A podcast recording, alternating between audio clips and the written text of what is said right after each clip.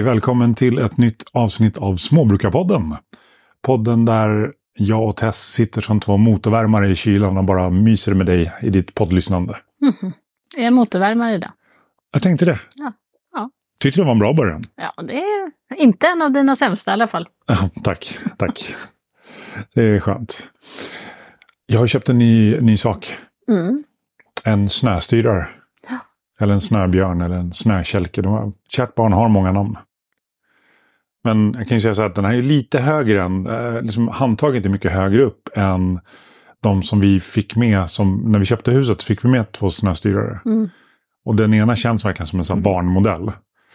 Eh, och den andra, handtagen in, de är liksom i knähöjd på mig. Mm. Så det är ganska tufft att liksom styra runt snö när, när det är så här 30-35 cm blött snö. Mm. Jag tänker att det är ju tufft oavsett var antagen är, men det kanske är tuffare. Ja. Ehm, sen den här, den var väldigt, väldigt lätt. Vilket gör att när övningen, när man ska kasta av snön från snöstyraren. Mm. Så när man knick, knixar till liksom för att få, få bort det. Det är ganska tungt när man har en tung snöstyrare med tung snö. För att då blir det så man måste trycka som tusan framåt och sen dra snabbt bakåt. Mm. Den här nya kan, känns att man kan köra med en hand och så bara knixa lite med handleden så åker allting av. Mm. Jag brukar liksom köra upp den på en kulle och sen tippar jag. Och så sen böjer den liksom ifrån mig så allting ramlar av och sen drar jag ner den igen. Mm. Jag gör nog ingen sån här knix när jag gör. Nej, det låter inte som det. Nej. Ja, och hönsen ska snart få byta, byta ställe att vara på. Mm. För vi halmade i växthuset idag. Ja, de var ju där förra vintern. Det gick ju bra faktiskt. Alltså de bor ju inte i växthuset, men de har ju det som sin utegård på vintern. Mm. Det är, höns, höns och så här meter hög snö är inte superkombo. De tycker inte det är jättekul att gå i snödrivor.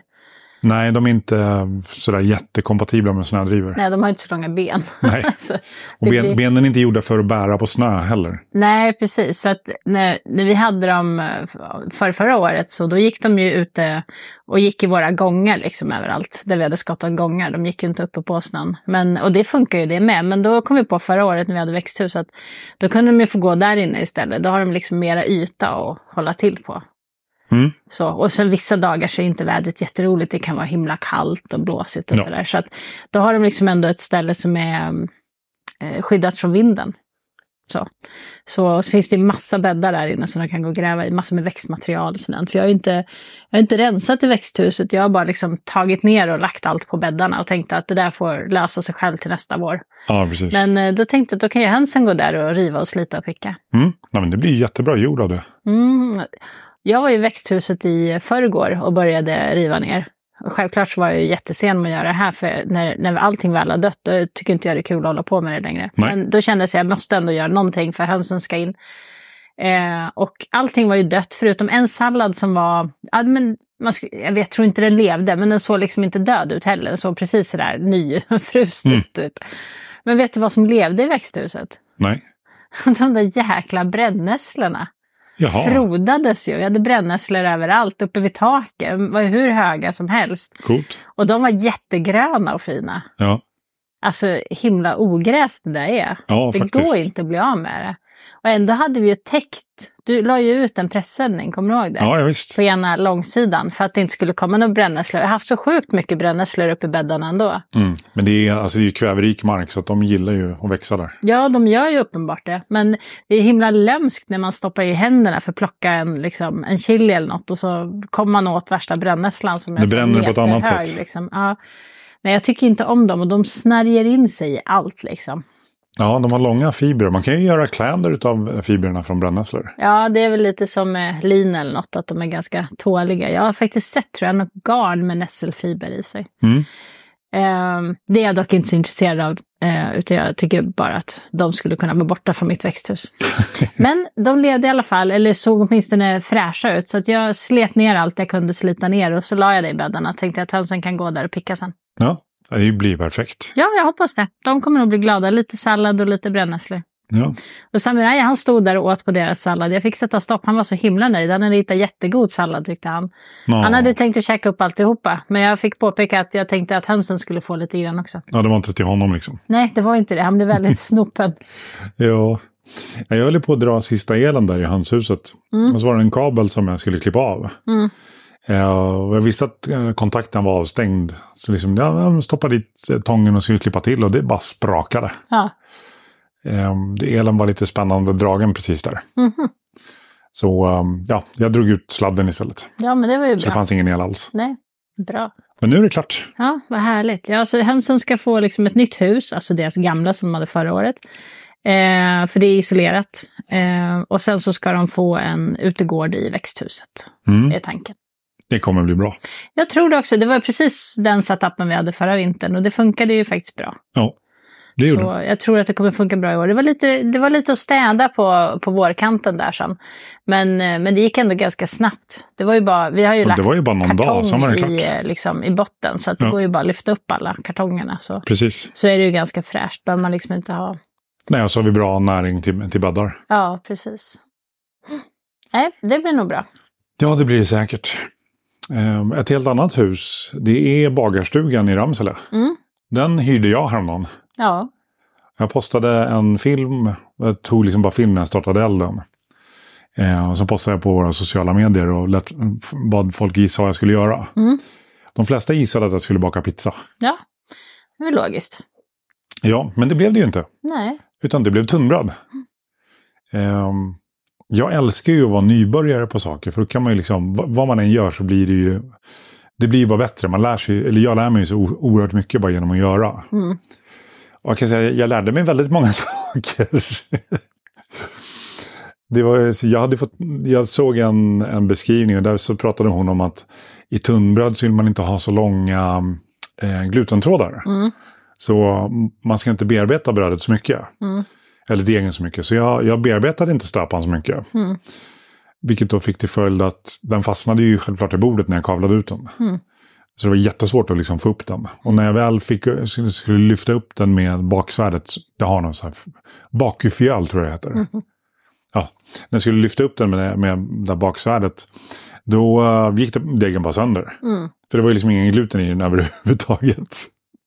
Nej, men det är svårt när man får recept och det står lagom mycket. Eller tills det ser bra ut och sånt. Har man Mm. aldrig gjort det förut så är det ju ett helt hopplöst mått att förhålla sig till. Jo, visst är det. Mm. Sen, jag har ju fått, fått eh, ett riktigt recept om man säger så, alltså vårt familjerecept. Mm. Eh, det provade jag inte på att baka på eh, förra gången. Men, eller, eller den här gången, men nästa gång när jag bakar då ska jag ta det receptet och börja baka på. Mm.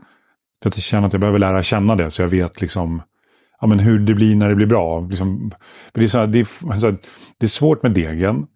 Det är svårt med utkavlingen för det ska bli så sjukt tunt. Mm. Ehm, och sen i, i ugnen så är det ju så här, det är eld. Det är liksom inte bara att ställa in den på 420 grader och så håller den det. Utan man måste verkligen jobba med den också. Mm. Så det är många faktorer. Jo, men det är det. Så sen på slutet av dagen när jag hade hållit på där ett tag. Så eh, förutom att degen bara gick sönder och lite annat så eh, körde jag in en kaka i ugnen och så tänkte jag ja, men jag börjar städa. Så jag började plocka undan och så dona, na, na, na, na, na, höll på. Bara vänta nu, jag har glömt någonting. Så bara, ja, just det, kakan. ja, den var, den, den, det var inte ens grismat kvar. Nej. Det gjorde jag två gånger dessutom. Då kände jag så här, nu säger min hjärna till mig att det här räcker. Mm. Så det, men det var kul. Ehm, det kommer bli ännu häftigare sen om jag kan göra det med vårt egna spannmål. Mm. Men nu är liksom målet att lära mig hantverket och förstå liksom momenten och vad det innebär. Ja, precis. Ja, odlar vi vete till exempel, eller råg eller något, så kan du använda det. Eh, det, borde, det borde ju funka, borde funka ganska bra till tunnbröd, tänker jag, som inte kräver så himla hög proteinhalt. Eh, men eh, jag skulle ju vilja att Eh, det skulle funka till surdegsbröd. Men där är jag tveksam eh, om det kommer göra det. Däremot skulle man kunna ha det som liksom eh, en del, alltså en del av mjölet skulle man kunna ha det som, absolut. Men jag vet inte om det kommer gå att få fram ett sånt bra mjöl att man kan baka liksom till 100% på det. Men det ska bli himla spännande när vi väl börjar odla spannmål och testa. Mm. Jag håller med. Jag, ja, nej, men jag håller med. Det ska, bli, det ska bli jättekul. Om inte annat så tänker jag att det är himla smidigt också. Om vi odlar lite spannmål kan vi faktiskt ge det också till våra djur. Ja, absolut. Så att det blir ju lite så, slipper man köpa så mycket foder. Mm. Så att det är inte så dum idé. Nej. Nej, det står ju på att göra, att göra listan. Ska Mm. bara. Ska bara, precis. Ja, det är som alltid. Det är så här hundra olika projekt. Mm. Och det är lite intressant nu när, vi pratade om det förut, att när det blir mörkt så pass tidigt nu. Mm. Så det, dagen är ju så himla kort. Ja, men den är ju verkligen det. Det är helt sjukt. Alltså vid halv tre så börjar det skymma. Alltså då har liksom solen gått ner känns det som. Mm. Eh, för då känner man sig att dagsljuset tappar kraft liksom. Eh, så man bara, men fasiken. Jag tror jag tände lamporna här inne vid, alltså långt tidigare än det. Vid halv två tände jag nog lamporna. Men vid halv tre verkligen, då känner man så här, men nu börjar det skymma och sen, vid, vid, sen blir det bara mörkt liksom. Mm.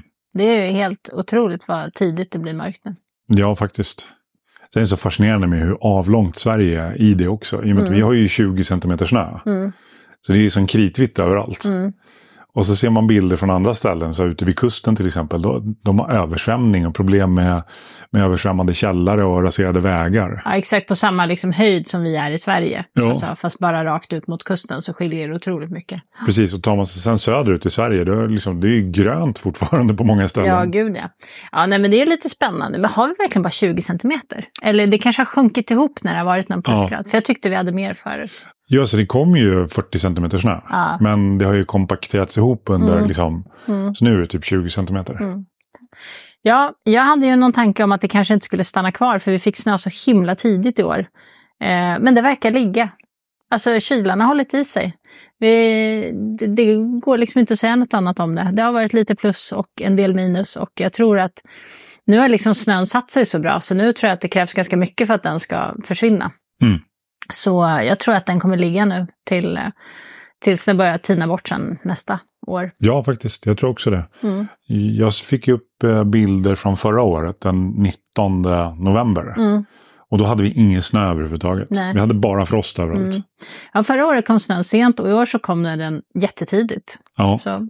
Men alltså, jag har inget emot snön. Allting, det blir lite mäckigt i början innan man, har kommit igång. Eh, men sen så är det liksom så att det blir så himla ljust. Alltså det är verkligen väldigt fint med snön. Det blir Mm. otroligt bra ljus hela tiden.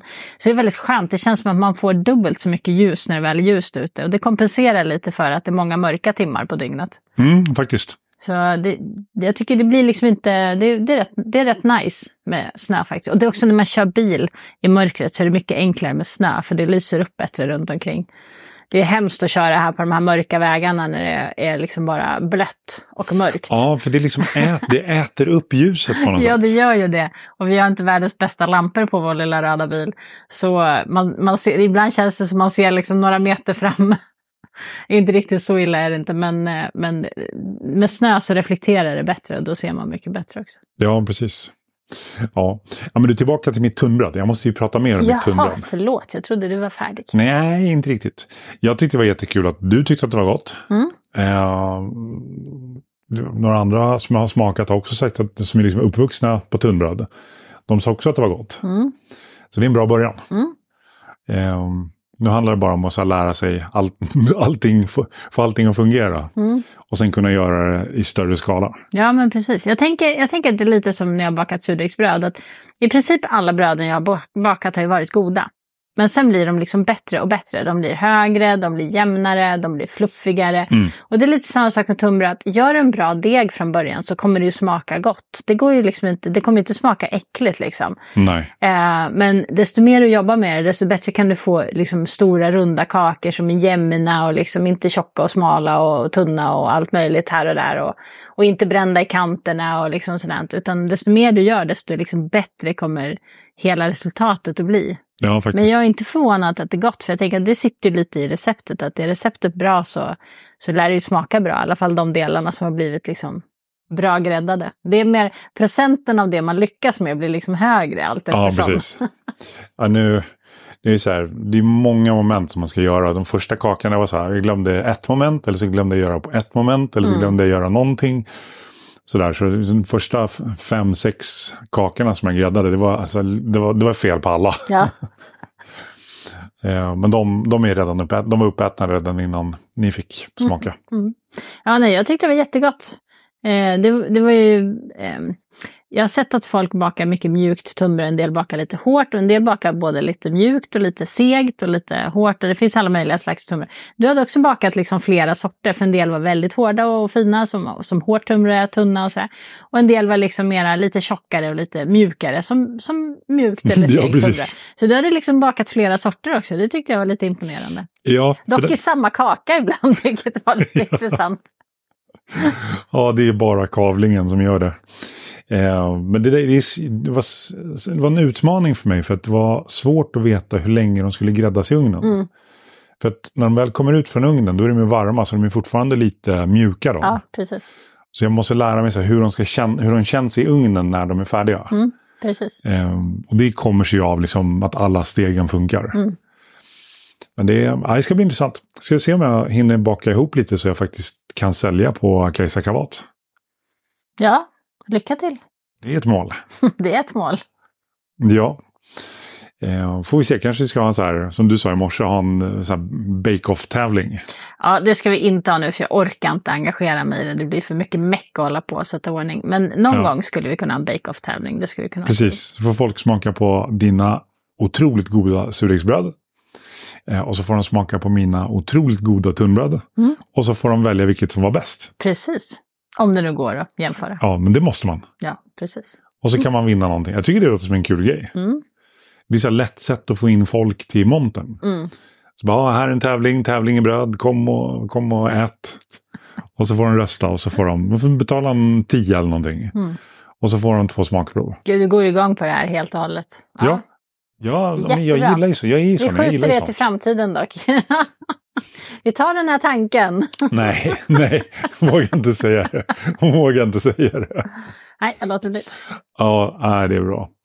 Det är bra. Nej, men det, är, det, det, vi, det finns idéer framåt. Det är väl ganska roligt. Ja. Sen får vi se hur det gör det. Eller hur vi gör det, för det är en helt annan sak. Mm. Men jag skulle vilja prova att sälja på marknad. Mm. Faktiskt. Eh, förra avsnittet så pratade vi ju om EUs nya strategi för saluförning av växtförökningsmaterial. Mm. Och några av kommentarerna som jag har fått efter det. Det är så här, men varför är det här viktigt? Varför ska vi bry oss? Det är ju liksom, det är bara registrering av fröer och alltså utsäde och sånt. Ehm, sen så pratade jag med Lars som är ordförande för Alkorn. Eh, och han tycker att det här är en otroligt viktig fråga. Och han tipsade mig om en person som jag skulle prata med och vi har haft ett första snack. Eh, jag ska försöka få med honom i podden. För att han är, han är väldigt insatt i vad det här betyder och hur, eh, liksom hur det fungerar. Mm. Men vi hade ett snack och man kan ju liksom börja med att se det som så här. Hela bestämmelsen går ju ut på att vissa saker får ges bort gratis. Men varför ska det registreras och dokumenteras och framförallt begränsas utav det som får ges bort gratis? Det är, en, det är liksom början till en egen begränsning Mm. som på något sätt ska stoppa någonting framöver. För att gör man på det sättet, då kan man ju sen gå in och påverka respektive medlemsstat i EU. Att dra ner de här gratis eh, och så minska mängden som får ges. Mm. Och allting sånt. Så det, det är en ganska farlig början som vi är på. Ehm, men man kan säga att själva grundbulten i det hela, det är ju det faktum att de vill registrera bevarandesorter. Och sen kan det, som jag sa, begränsas inom våra, alltså EUs medlemsstater vilka mängder som får ges bort. Så det blir lite obehagligt. Mm. Och jag personligen tycker liksom det att om man tittar på växtförädlarrätten, alltså de som utvecklar växter. eh, som, så här, eh, som odlar upp och tar frön och som förbättrar och förbättrar för att det ska finnas på marknaden. De ska ha rätt att skydda sina produkter. Mm. Det tycker jag verkligen. Men de som inte skyddas av växtförädlarrätten. De ska ju inte begränsas eller kontrolleras eller registreras. Det blir ju jättefel. Mm. Ehm, man kan ta det med en liknelse bara så att liksom, du förstår på vilken nivå det är. Men i Sverige är det, är det ju tillåtet att handla med begagnade bilar. Eh, och det här det är ungefär som att bilbranschen, alltså bilproducenterna skulle diktera villkoren för begagnatförsäljningen. Och hur vi får använda våra bilar. Mm. Liksom på den nivån det är. Det är det man gör med fröer nu, eller växtförökningsmaterial. Mm. Så det är inte bara fröer. Ja, det är intressant. Så det, sen finns det ytterligare en twist på det här, men det ska jag inte ta nu, utan det ska Dylan få eh, berätta om sen. Eh, med vad det här liksom innebär i nästa steg. För det finns ytterligare ett steg i det här. Så det här är liksom ingången till en ganska obehaglig utveckling. Så för dig som vill engagera dig så eh, ta kontakt med eh, någon EU-politiker som du känner. Eller bara googla närmsta EU-politiker. Och säg att den här EUs växtförökningsinitiativet, eh, eh den, den strategin är dålig. För fram tills den sista november så kan man ändra i texterna i förslaget. Efter den sista november så kan man bara rösta om texterna. Så kan man liksom ta bort en hel sektion eller ha kvar en hel sektion. Och man kan inte ändra i, i texterna. Mm. Så det är, det är bråttom. Alltså det brinner verkligen. Ja, det är inte många veckor kvar. Nej. Så, och jag lägger med en länk i avsnittsbeskrivningen till det här förslaget. Så man kan... Alltså det är knepigt att läsa. Det är juridiska. Alltså det är inte lätt bara för det. Sen är det, skriv, sen är det e EUiska. alltså det är, man uttrycker sig på speciella sätt inom EU. Och det är mycket att läsa, men det, det är viktigt att läsa. Så, eh, och orkar du inte så dela det här avsnittet i dina sociala medier. Mm. Eh, dela förra avsnittet där vi pratade om det också. Och eh, se till att folk engagerar sig. Det tycker jag är viktigt. Ja, det är alltid viktigt att engagera sig om det är en fråga som berör en själv tycker jag. Mm. Det är så lätt att bara sitta och säga men det där är inte bra och så gör man ingenting för man tycker inte man vet hur man ska göra eller man orkar inte göra eller man har inte tid att göra. Men eh, när det berör en själv så tycker jag att vill man ha någon form av förändring, då får man ju faktiskt vara med och skapa den själv också. Man kan inte alltid bara skylla på att det inte är någon annan som gör något.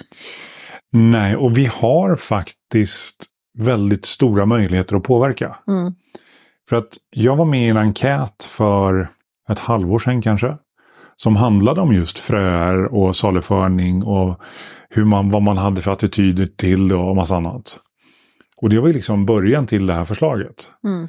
Så vi har ju möjlighet att påverka. Men då måste man engagera sig. Mm. Det är precis som du säger. Ja, nu har vi grottat ner oss i EU, EU-direktiv och, och hur vi ska förändra EUs väg framåt. Mm. Vad ska du göra idag? Oj, vilken konstig fråga. Eh, jag vet inte vad jag ska göra idag. Ska jag laga lunch? Det var väl ingen konstigt? Jag var så oförberedd på den. Ja, okej. Men bara för, att du inte bara för att du inte är förberedd så blir inte frågan konstig. jo, den blev jättekonstig. Nej, men jag ska laga käk och äta och... Mm, får se. Mm. Någonting sånt. Jag ska flytta en lampa, tänkte jag. Mm. För du har två lampor på din sida av soffan och jag har noll lampor på min sida av soffan. Ja, men det är för att din lampa inte är flyttad. Så det ska du göra nu. Det ska, jag ska inte göra det nu, nu, men lite senare då tänkte jag. För då kan jag sitta och läsa min tunnbrödsbok. Ja, vad härligt. Ja. Sen har jag ju två, eh, två um, eh, böcker om korv också och skärk. Ja, du har ju inte bara två böcker. Du har ju liksom lånat en miljard böcker på biblioteket. Så du har ju hur mycket som helst att läsa om man, om man ska vara sån. Du Ja. kom ju hem med typ 10 kilo böcker häromdagen. Ja, det var faktiskt så. Mm. och det roliga var att det ena eh, norrländsk uppslagsbok eh, som jag lånade hem. Fyra band. Mm. Eh, varje band var typ så här tre centimeter tjock. Mm. Eh, märkligt nog så stod det nästan ingenting om tunnbröd. Nej. Det stod lite kort om ljusugnsbröd. Mm. Eh, vilket är tunnbröd. Mm. Men sen var det inte så mycket mer. Står det något annat roligt i boken? Eller böckerna? Jag läste ju inte allt. Nej, det, Det var väl Men jag 60 tänkte 000 om du, sidor. om du hittade någonting som stack ut. Jag vet inte vad norrländskt uppslagsverk, vad är det för något som står i det? Är det bara norrländska saker eller? Ja, det handlar bara om Norrland. Mm. Det är som liksom nationalencyklopedin fast för Norrland. Mm.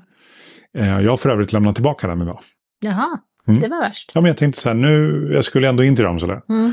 Så um, eh, då tog jag med mig dem. Mm. Måste lämna tillbaka dem för jag kände nu var det dags. Mm, kors i taket. Ja. ja men jag har blivit bättre på att lämna tillbaka böcker innan det blir dyrt. Det är ju bra. Ja, Det är mycket bra. nej så jag tänkte jag ska börja preppa, för jag ska göra korv någon dag också. Mm. Jag har inte riktigt bestämt mig när bara. Nej. Kanske den 23. Det är om det två veckor. säger mig ingenting. Det är om två veckor. Mm. Och lite till. Mm. Nej. Det är den elfte idag. Det är om två, två veckor och lite mindre. Matten är stark i denna. Ja, eller? Ja. ja. Nej men du, ska vi ta och stänga ner den här snacklådan och fortsätta jobba? Ja, men det tycker jag. Ja, bra. Tack så mycket. Hej då! Hej då.